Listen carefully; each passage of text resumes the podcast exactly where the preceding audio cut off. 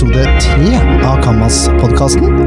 Mitt navn er Jørn Werner Graner Horntvedt, og med meg i dag så har jeg to veldig gode kollegaer. eh, Som er eh, faktisk eksperter på å bygge relasjoner, bygge tillit og være speilende i møte med andre. Det er Anne Ren Slettingdalen Freitag.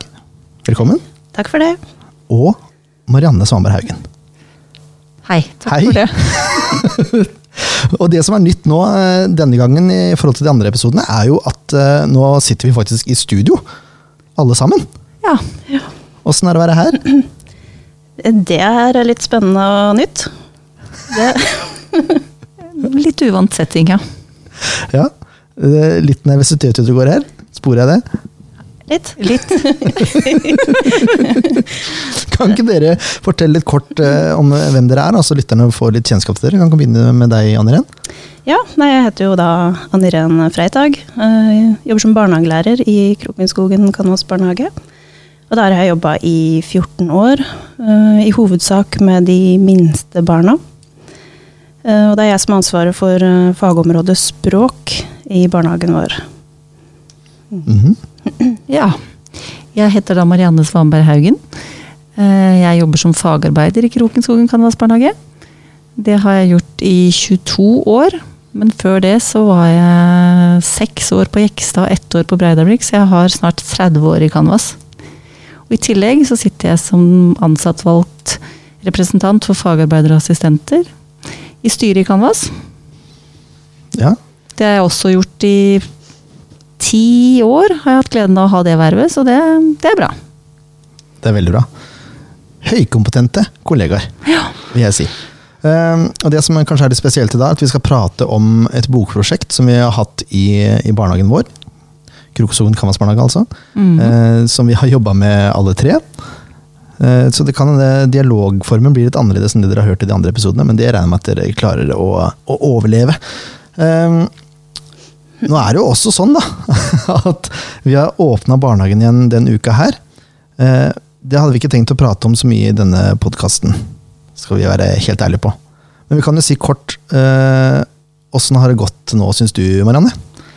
Jeg syns det har gått overraskende bra. Vi er jo veldig veldig heldige med været, som er til god hjelp nå når vi skal dele oss rundt i små grupper. Hva får vi på Østlandet? Vart, ja, vi på, vi på Østlandet. Ja, Canvas er landsdekkende, ja. Eh, så jeg syns det har gått bra. Vi er nesten fulle grupper. Litt færre enn vanlig, men ikke så veldig mange. Og så har vi vært mye ute i skog og mark. Koser vi to oss på tur ut i hjørnet med gjengen. Ja, det gjør vi. Mhm. Eh, Anne Irén jobber på småbarnsavdeling. Eh, Marianne og jeg jobber på, på tre- og fireårsavdeling. Så litt variasjoner er det jo, men vi, vi følger jo myndighetenes retningslinjer og deler opp i kohorter, som det så fint heter. For et nydelig ord. Kohorter. Åssen uh, har du inntrykk av at det går på, på småbarnsavdeling, Anne Irén?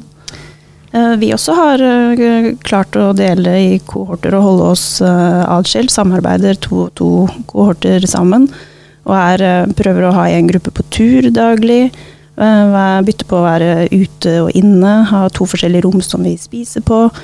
eh, Og også være veldig nøye med håndvask og vask av leker og vask av overflater inne på avdelingen. Så jeg syns oppstarten nå har gått uh, veldig bra. Mm. Så vi håper det går bra med alle dere der ute også. Det er en viktig jobb det vi gjør nå, å få barn trygge og, og på plass og tilbake inn i rutiner.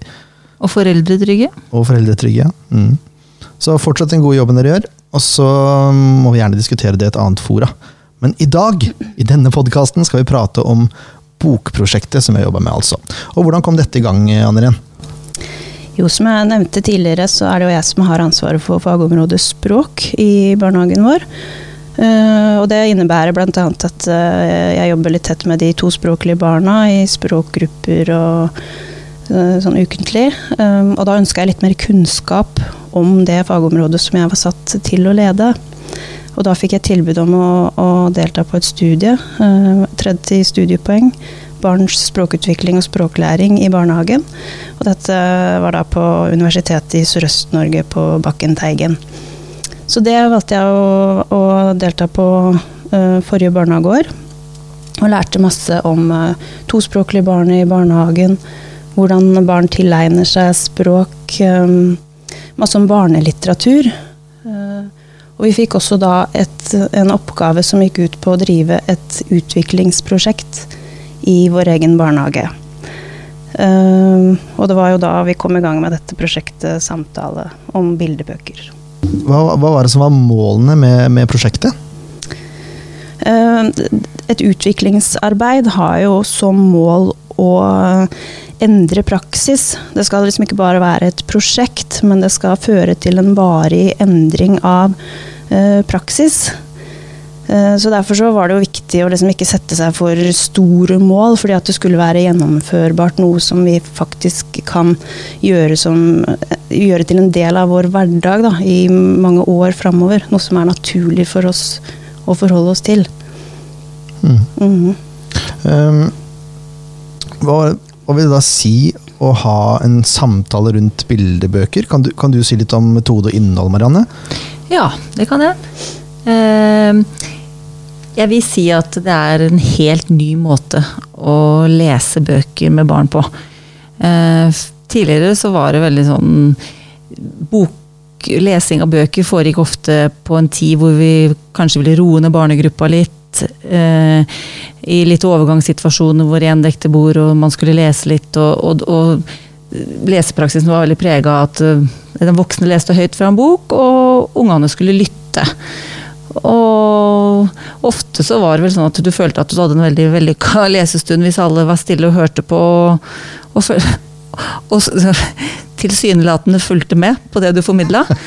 eh, og det var, er jo den største forskjellen på sånn vi leste før og sånn vi leser bøker nå. For nå er boka på en måte et utgangspunkt, og så veksler vi mellom å lese litt tekst i boka, se litt på bilder.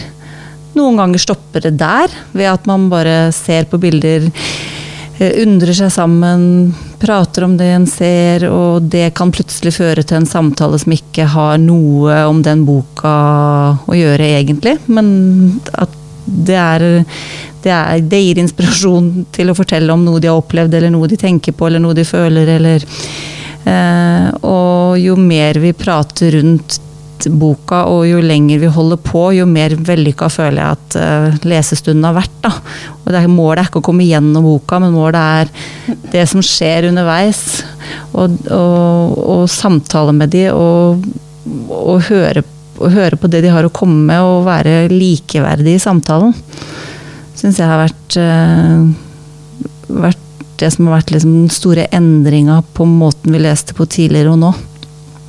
For det, som er den store forskjellen, som du sier, er at eh, nå leser vi ikke bare teksten, men vi prøver å få barna i gang i, i samtale og refleksjon rundt bildebøker. Kan du, kan du si noe om hvorfor du valgte bildebøker som middel? Eh, det er jo fordi at eh, jeg syns vi har et hav av veldig gode bildebøker. Veldig mye fine illustrasjoner som gir rom for refleksjon. Uh, og det er så mange typer forskjellige bøker. Noen er jo veldig sånn uh, hverdagsnære, noe man kan kjenne seg igjen i. Noe som kan være kanskje enkelt å snakke med de tospråklige barna om. Litt for å lære språk, men også for å liksom snakke om ting som vi opplever i hverdagen. Og så har du de litt mer sånn abstrakte bildene som innbyr til refleksjon og tanker og filosofering. Og, altså, det er liksom et hav av muligheter og så mye forskjellige typer bøker. Og jeg tror man kan finne en bok som fenger alle typer barn. Da. Alle typer interesser. Så jeg syns det er veldig spennende det å jobbe med bøker som, eh, som et materiale da, i språkutvikling. Hva er den største forskjellen ved å bruke bildebøker kontra å bruke uh, bøker med mye tekst? Eh, tekst, eller Hvis det er mye tekst, så, innbyr, så er det jo mer eh, lagt opp til at den voksne skal lese, da, og barna lytte.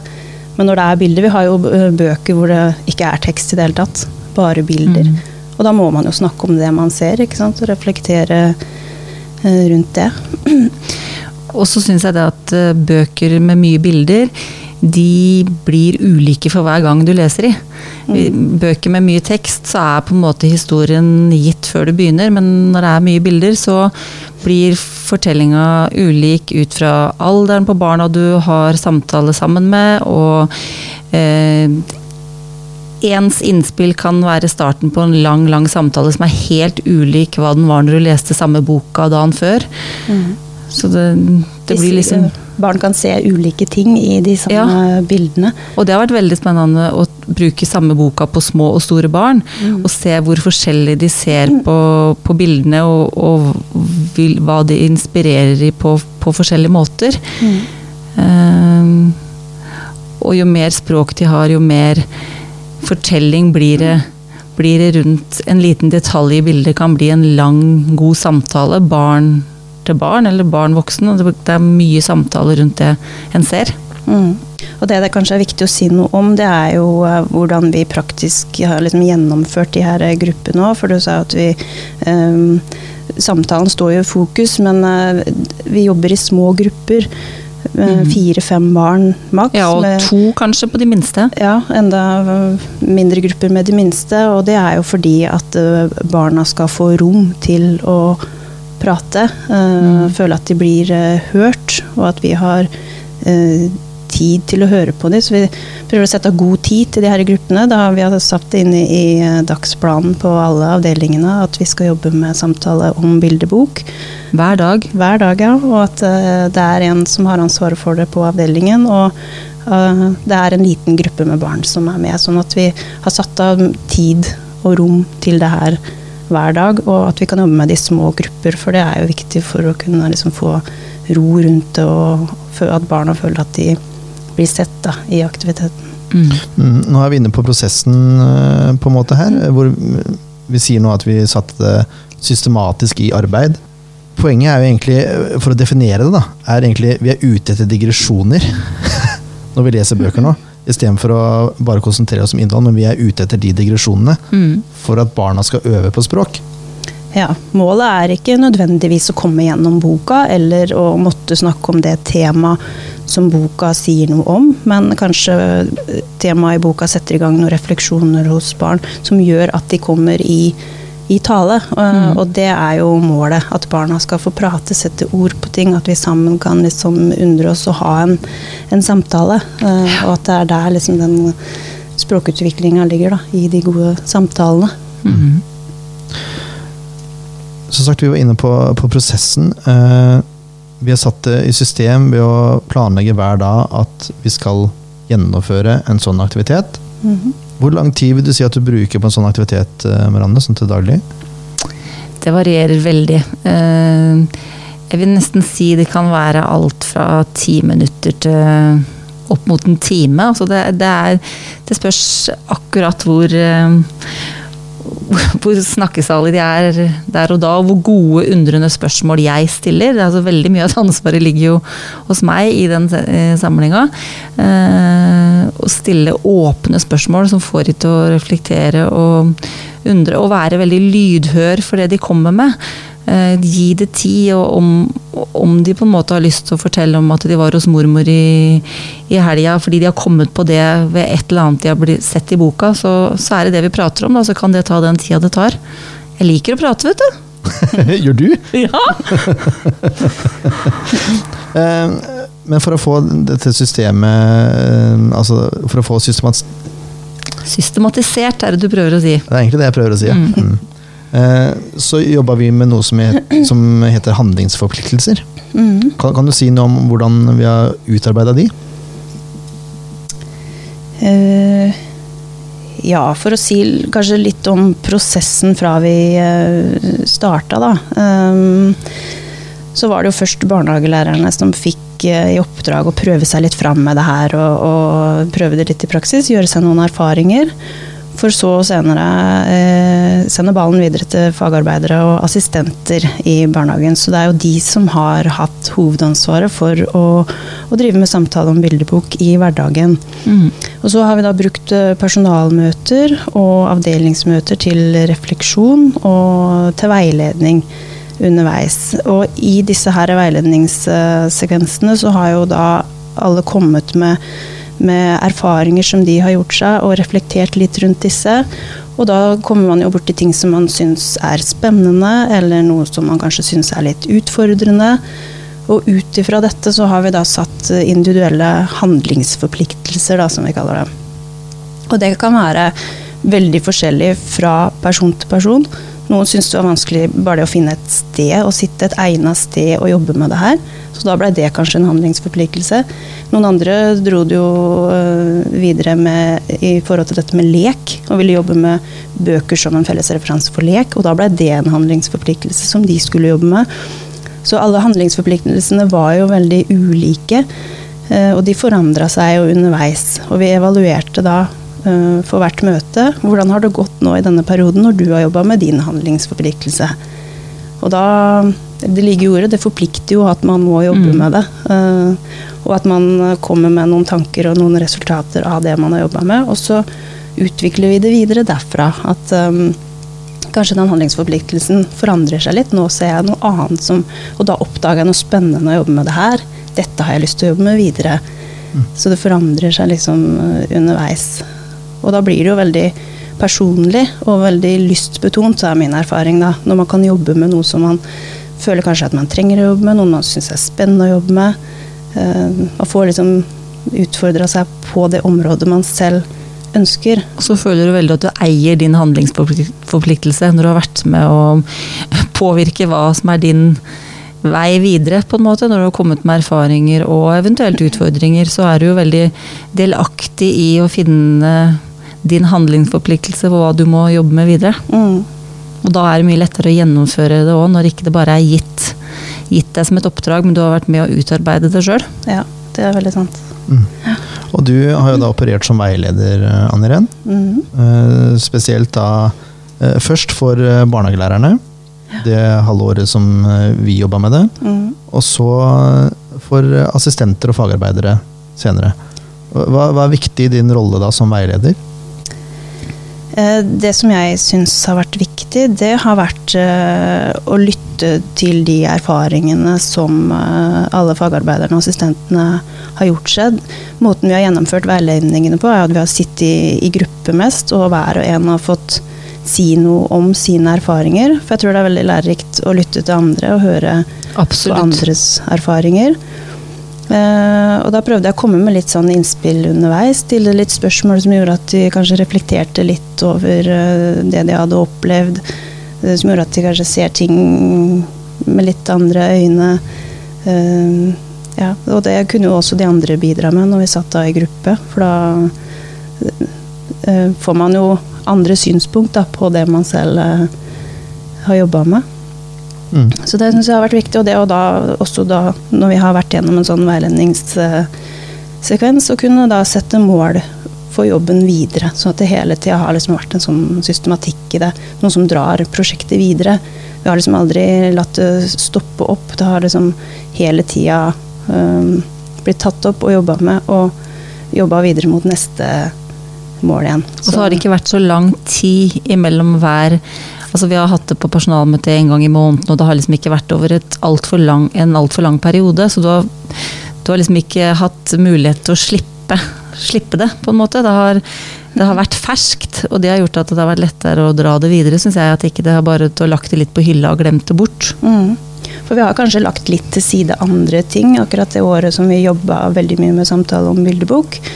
Eh, Men samtidig så har det gjort at vi har liksom fått det under, under huden, og at det kanskje blir en sånn naturlig måte for oss å jobbe på som gjør at vi nå ikke trenger å jobbe uh, så mye med disse veiledningene og sånn, men likevel så har det gjort noe med vår praksis, og det var jo det som Mm. har vært målet med det. Hvordan opplevde du, eh, du veiledningsarbeidet, Marianne? Jeg syns det var veldig bra. Eh, Jeg sa akkurat litt om dette her, at jeg syns det var akkurat passe intervall på det, på en måte. For du rakk å, du rakk å jobbe litt med den forpliktelsen du fikk. eh, Og du rakk å gjøre deg noen erfaringer, og du rakk å reflektere litt over din egen praksis og hva du kunne gjort annerledes. Og, og det var liksom ikke noe sånn eh, du, jeg, i hvert fall, jeg må jo snakke ut fra meg sjøl, men jeg fikk aldri noen følelse av at jeg, jeg feila hvis jeg på en måte ikke hadde nådd akkurat det målet jeg hadde satt meg. Men man lærer av det også, og så, og så blir det sånne stier fra hovedveien hele, hele tida, på en måte. Og så, og så hører du litt på de andres erfaringer og, og hva de har fått ut av sine handlingsforpliktelser, og så blir det en læring for din egen handlingsforpliktelse. Og så sammen så dro vi på en måte i, i lik retning, men med ulik vei mot målet. Så flott sagt. Ja. Vi er så gode. Ja, for det er litt viktig det du sier der, at uh, alle har jo litt ulikt utgangspunkt for denne med, å jobbe med, denne, med dette prosjektet. da. Mm. Og det at man har fått lov å jobbe litt i sitt eget tempo og med sine egne utfordringer, og som du sier, uten at man føler at man feiler hvis ikke man nødvendigvis kanskje eh, nådde akkurat det målet man har satt seg. Men Og så er det ikke noe fasit på hva som er riktig måte å komme dit på.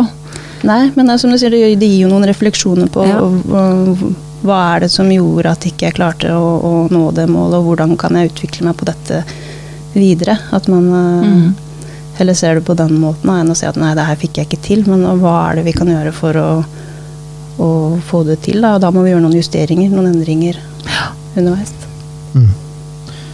Um, det har vi nevnt det tidligere òg, men uh, altså, barnehagelærerne startet et halvt år med, med dette arbeidet, sånn at vi fikk det litt under huden. Og så har da hovedansvaret vært hos assistenter og fagarbeidere. Åssen har det vært, uh, Marianne, for dere?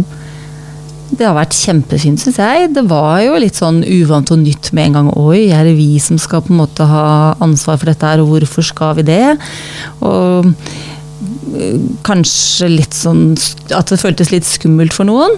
Eh, men med, som jeg har sagt, den gode kontinuerlige på oppfølginga og veiledning, veiledning underveis, og, og det at den følte at den eide det litt, tror jeg gjorde at den ga litt mer enn om det var på en måte at oppdraget bare var gitt fra noen over deg som Dette her eide vi så, vi var, vi var så sammen om prosjektet, og vi ville liksom få dette til sammen.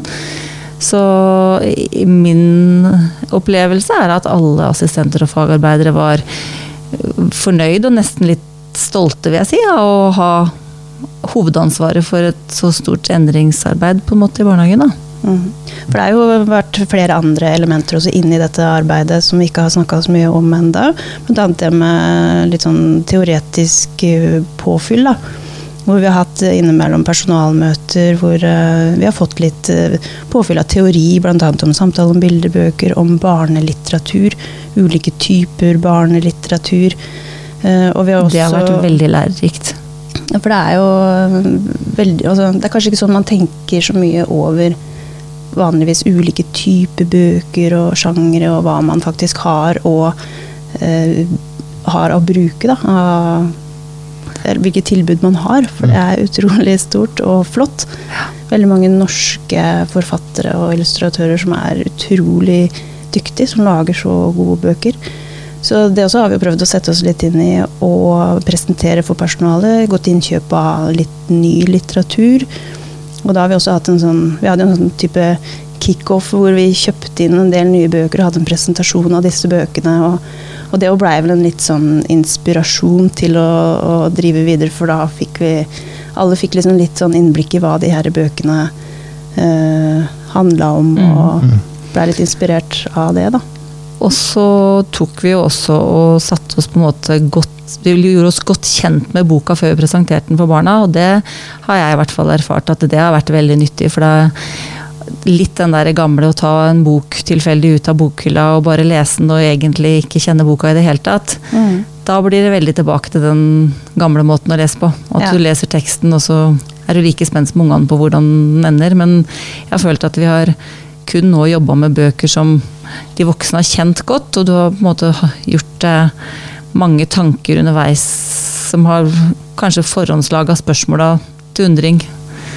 Litt sånn bevisst eller ubevisst før du begynner med barna med boka, da. Mm. Ja, for det er viktig å kjenne boka Mm. godt og vite hva det er man skal liksom presentere for barna. I hvert fall når man jobber på denne måten med samtale om bildebok.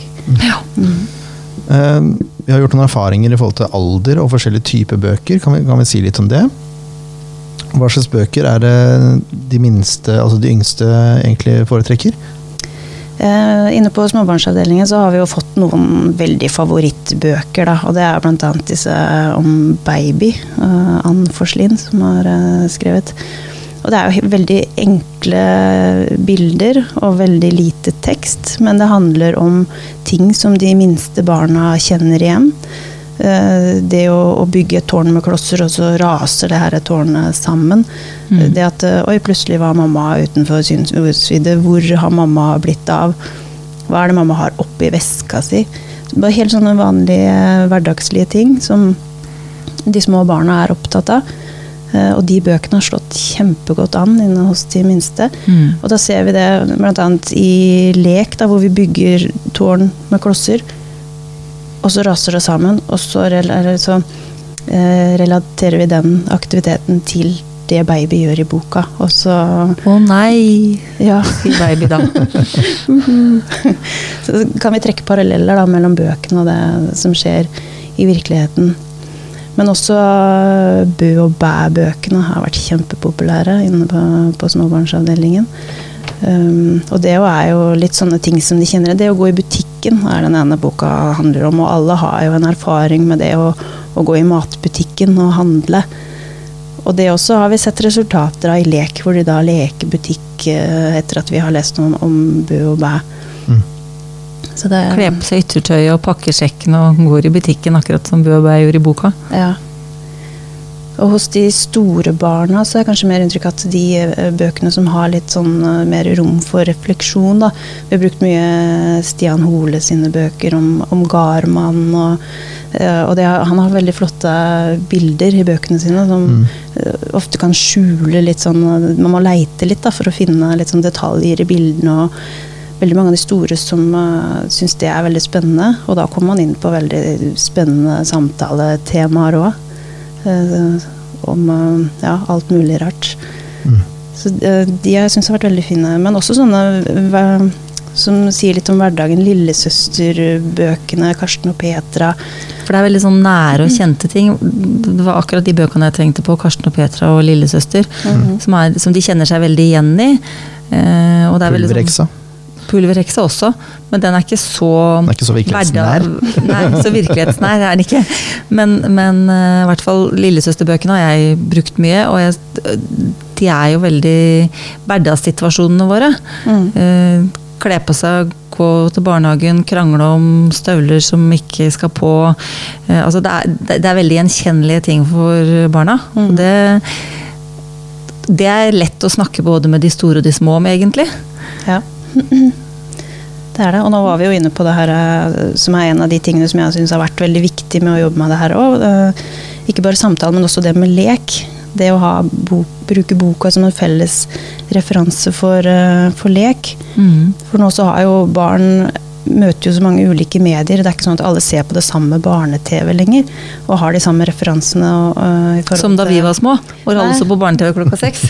da var det jo bare én kanal, og sånn er det ikke lenger. Uh, og det er ikke sikkert alle vet hva alle snakker om når de refererer til en TV-serie de har sett, eller uh, noe de har sett på iPaden, eller et spill, eller så det å bruke bøker i barnehagen da som en felles referanse for lek, hvor alle vet hva dette inneholder, og hva som er handlingen. Og også trekke det ut i leken. Og det har vi jo sett uh, veldig mange eksempler på. Mm. Mm. Uh, og det var jo bl.a. et tema som vi jobba med på den ene avdelingen hos oss, uh, hvor vi tok utgangspunkt i boka 'Pannekaka'. Og lagde da et kjøkken, og pannekakekjøkken, og det var syv skrikerunger. Og, og det, alle visste jo hva det her handla om når vi satte i gang den leken. For alle kjente jo innholdet i boka, kjente historien. Ja. Og det har vi jo sett veldig mye eksempler på. Mm. Så det har også vært en viktig del av dette prosjektet, syns jeg. da. Um, det med lek. Mm. Det er jeg helt enig i. Mm. Absolutt.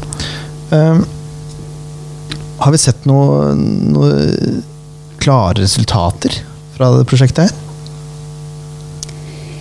Jeg tror at uh, alle har blitt litt mer bevisst på måten man uh, bruker barnelitteraturen på når man setter seg ned med en bok sammen med barna, så er det liksom, som Marianne sa tidligere, ikke gitt at man skal lese og barna skal lytte.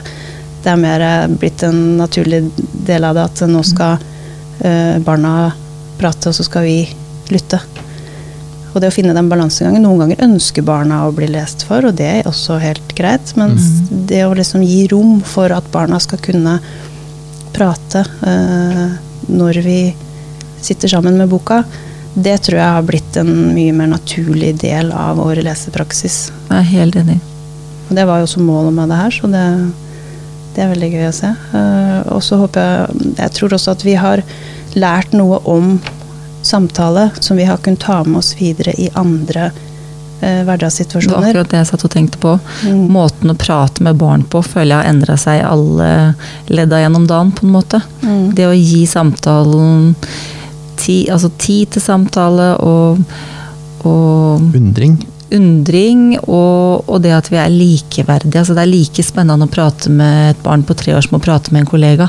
Det at vi blir glad i å prate med hverandre. Og jeg slutter aldri å bli forundra over hvor mye refleksjoner som kommer ut av de ungene når de prater. Mhm. Ja, det er kjempespennende. Ja, det er kjempespennende. Og det å ta seg tid til det i en litt sånn eh, hektisk påkledningssituasjon, f.eks. Mm. i garderoben. Det å liksom Det er jo så mye språktrening i den samtalen. Og det, å liksom, det tror jeg at vi har blitt litt mer bevisst på det å bruke, bruke litt mer tid og gi Mm. samtalen litt mer rom i hverdagen. stellesituasjonen og alt. Mm, rundt måltid og Mm. ja. En annen måte å prate med barna på. Ja. Føler jeg vi har At det har blitt en sånn varig endring på det. Større bevissthet rundt Mm. Vi får fram barnet som likeverdig medborger, egentlig, som er et av hovedmålene i vår barnehage. er, ja, helt riktig. Så bra for oss. Eh, og så har vi jo endret lesepraksis, da. Totalt. Det har vi. Det er ikke, som du sa i stad, det er ikke bare å sitte og lese uten noe innlevelse eller Altså, nå er vi opptatt av at barna skal være med i innholdet, Mm. og det er lov å komme med digresjoner.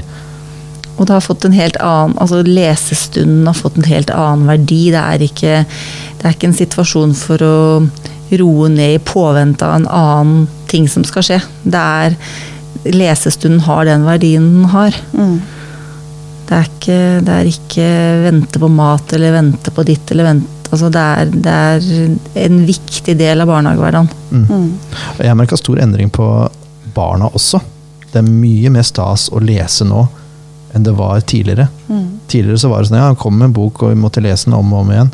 Men nå er det sånn at nå er det fire-fem stykker som flokker seg rundt når en bok blir tatt fram. Mm. Uten noen som helst øh, annen måte å tiltrekke dem på. jeg si. Det er bare, Du tar fram en bok, setter den i, ja, så kommer barn stormende til. Mm. Og de sitter der lenge.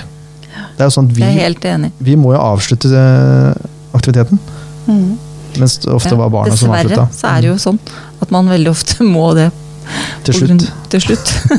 Og nå eh, som vi har jobba mye med det, de minste barna med det her eh, også, så blir jo det en naturlig måte for de å forholde seg til bøker på helt fra starten av.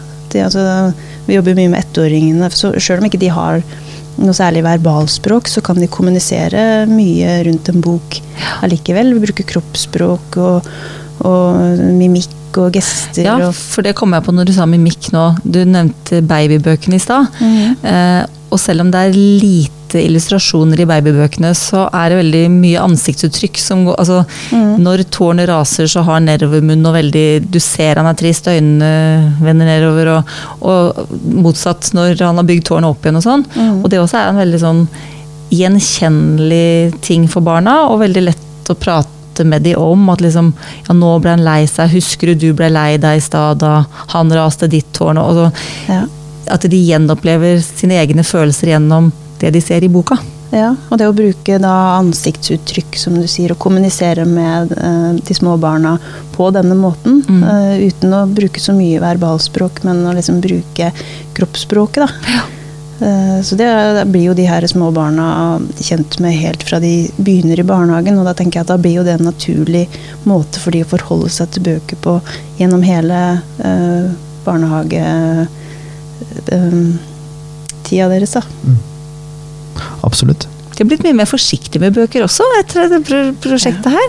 Før så syns jeg det lå mye bøker på gulvet, og det var litt sånn Tråkka litt borti de uten. noe. altså, de, blitt, de, de verner mer om bøkene og tar mer vare på de òg. Det er jo en koselig, koselig konsekvens, det òg. Ja. Men det er jo viktig å lære barna om god bokskikk, som vi kaller det. Det Ja. å, å ta vare på bøkene. Det er små skatter, og de skal ikke ligge rundt på gulvet og, og, og slenge. Og selvfølgelig bøker blir slitt når de blir mye brukt, og det er jo litt sånn forbruksvare, men vi skal ta godt vare på de. Og det er helt enig at de har blitt uh, mer forsiktige med de. Mhm. Og det jeg også vet andre som jobber med samme type prosjekt, eh, Eh, tidligere så brukte kanskje barna bøkene i lek, men de brukte de kanskje som byggeklosser eller som Men nå bruker de bøkene i lek, men som bøker. Ja. At de så en tydelig forskjell på det. Men de lærer mer om hva en, hva en bok er, da, og hva den brukes til. Absolutt.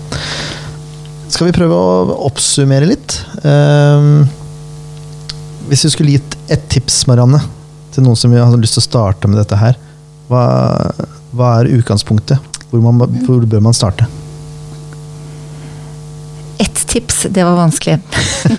men men eh, å starte med å se gjennom hva man har av bøker. Altså en opprydning i, i biblioteket i barnehagen.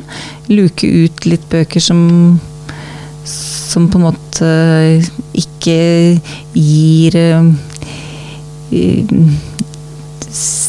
Hva skulle jeg si, da? Som ikke er egna så godt egna til samtaler rundt bøker, som er mer sånn høytlesningsbøker de, de, trenger vi ikke lenger. Man trenger ikke ha så stort utvalg, men Nei. man må ha et eh, Gode bøker. bredt utvalg, hvis man kan si det Mm. sånn. da. Litt ulike typer bøker. Og gjerne store illustrasjoner, Ja. hvor det er detaljer å fange opp. Um, vi har en bok på vår avdeling som har blitt veldig populær, som heter 'Den lille redde bæsjen'. For eksempel. Ja. Eh, Og den preges veldig av at det er store illustrasjoner. Hele siden er fylt med illustrasjon, og så er det litt tekst. Ja. Men det er veldig konkret, da. Hva Det som er veldig skjer konkret hva som skjer i den lille boka. bæsjen. Og det, i tre- og fireårsgruppa så har den slått veldig godt an. Ja. Og så har vi nevnt da uh, Bø og bæ uh, og babybøkene for de yngste. Uh, og lillesøster Karsten og Petra. Karsten og Petra og Den lille redde bæsjen. er veldig virkelighetsnært.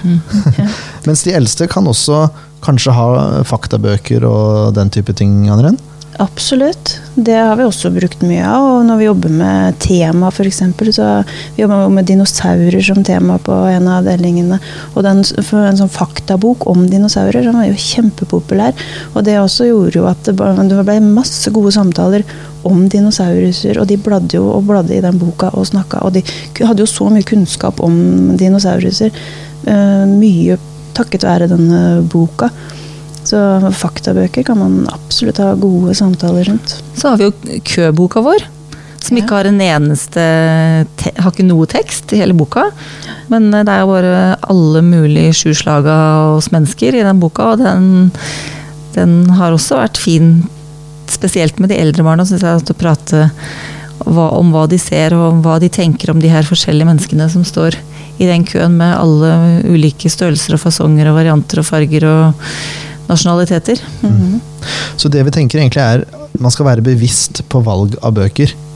Ja. Ja. Luke ut bøker som er vanskelig å snakke om Og gjøre deg godt kjent med boka ja, på i, forhånd. på forhånd.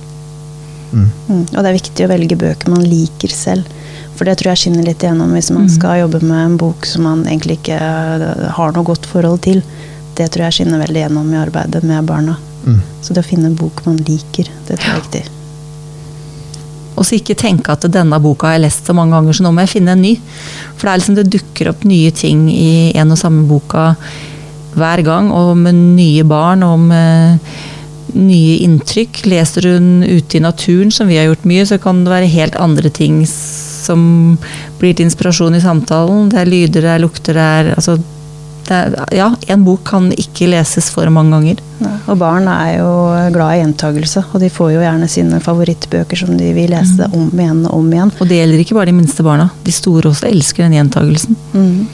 Så det er kanskje litt viktig å tenke på at det er, jo, det er jo vi som blir lei av den boka, ikke barna. De elsker jo å finne den fram igjen. Mm. Og da er det vår jobb å opprettholde entusiasmen. da. Ja. Samme entusiasmen som barna har når vi leser. Mm. Jeg tror vi skal begynne å runde av nå. Ja. Eh, er det noe vi ikke har sagt som vi burde si? Eh, nei, altså sånn kort oppsummert så er det det med å liksom drive en litt sånn rød tråd. Det å ha en systematikk i det. Ikke være eh, redd for å gi det litt plass, da. I, eh, I hverdagen. Vi har i hvert fall fått veldig mye igjen for det, og jobber liksom intenst med det her over eh, Det blei jo ett barnehageår da, som vi jobba med det veldig systematisk og intenst. Men så har vi fått så utrolig mye igjen for det etterpå, da. Ved at det liksom sitter nå litt i ryggmargen Mm. hos oss, den måten å jobbe på. Det har blitt en, en eh, varig endring av praksis, vil jeg påstå. Absolutt. Og så hjelper det jo å ha en ressurs i barnehagen som uh, Anne Ren, da. Som tar tilleggsutdannelse. og som, eh, det er lurt å, å Vi hadde ikke klart dette uten Anne Ren sin drivkraft underveis. Absolutt ikke. Det er lurt å ha noe teori bak eh, når man skal drive med noe. Så man har forståelse for hva man gjør. Og så syns jeg jo vi har fått eh, litt det som eh, er litt sånn eh, fokus på nå, da, med å eh, kunne bruke den kunnskapen en person har, og, og videreformidle den til resten av barnehagen. Det syns jeg vi har fått gjennom det prosjektet her. For det er jo litt viktig at når, når jeg da tok den utdannelsen, at eh, jeg ikke sitter på den kunnskapen aleine. At vi kan uh, bruke den sammen uh, i et fellesskap. Og det syns jeg jo vi har fått til. Absolutt. Mm. Det er et godt eksempel på barnehagen som en lærende organisasjon, som vi hadde om i forrige podkast. Det er perfekt, Anne Ren. Eh, og så er det også sånn at Anne Ren faktisk eh, har et foredrag som hun holder. Jo, jo, det er det. Det er sant, Anne Ren? Jeg har holdt et foredrag, ja. Det er, ikke, det er litt ut av min komfortsone, det må jeg ærlig innrømme. Men hvis man er god på å overtale, så går det an å høre. Hvis man trenger litt inspirasjon og tips. Og nå får jeg et stygge blikk. Ja, jeg tenker hardt på det. Ja.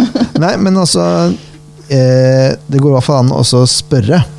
Vi er jo en eh, organisasjon, Absolutt. og hvis man trenger noen tips, og sånn, så er eh, Anne Ren og Krokensungen Kammersbarnehage et sted å begynne, i hvert fall. Det er bare å ta kontakt hvis det er noe man eh, blei mer nysgjerrig på da, ved å lytte til denne podkasten. Så Ja, det trenger ikke nødvendigvis å være en, eh, en, et foredrag, men en tips over mail, f.eks. Det burde jo gå an. det, det er innafor. Glimrende. Det her var hyggelig. Det er, jo, det er jo som å være på jobb, dette her. Jeg syns vi har litt mer tid til å prate sammen nå enn vi har i hverdagen. Ja, kanskje. Kanskje.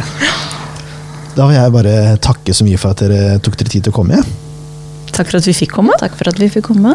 Takk så mye til deg som lyttet på også. Vi høres igjen eh, neste uke.